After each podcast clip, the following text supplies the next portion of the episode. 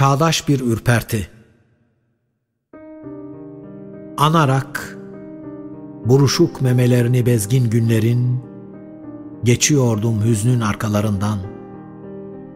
Döşümde şehrin ahengini bozan ay resimleri ve geceyi korkutarak durduran tasarımlar. Geçtim karayağlar sürünerek. Karayağlar sürünerek büyüdüm. Cani bir kadında yattım ve beynim kırık bir suyun yüzünde yorgun yürüdüm. Ki asfalt orada bitiyordu. Orada romorklar, kalay ve manganez ölüleri şehrin derin iskeletini sarsıyordu. Yırtık tüller halinde yağan yağmur, boğazımdaki havlayış karartısı, piyango gişeleri ve asfalt orada ve asfalt cinsel kavramlarla halkların kalkışını anlatıyordu.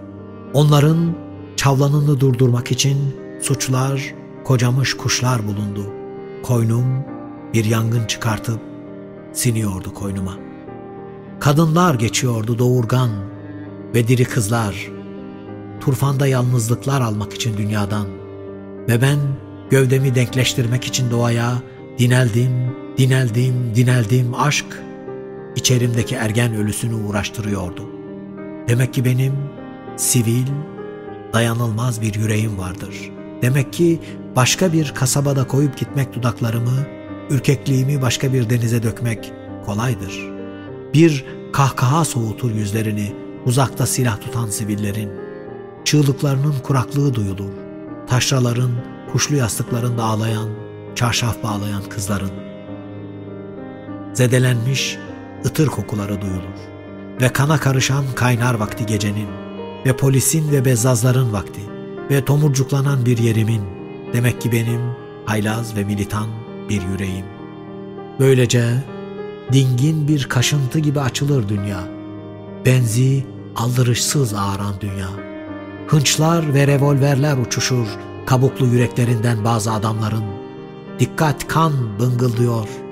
Yine senin sıranı atlamıyorum. Koynun güneşe çarptığında yara, geniş bir yara yapışıyor sevdama. Ve artık anlatmak için yeryüzünün tuğlalarını seni anlatıyorum. Abanmak geçiyor içimden gövdenin küllerine. Sana çatlarcasına inanıyorum. Çünkü kopartarak geliyorsun göğün zarlarını. Can evinde tor top umudu aydınlığın. Yüzümü kınından çıkaran sensin. Pencereyi getiren aklıma.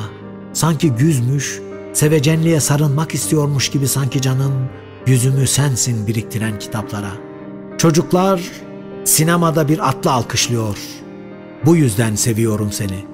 Bizimkiler bu yüzden yeniyor ötekileri ve karnının kurşun işleyen karanlığı, hüznün namusunu savunan ellerin Fidel Castro'yu övüyor bana bunun için.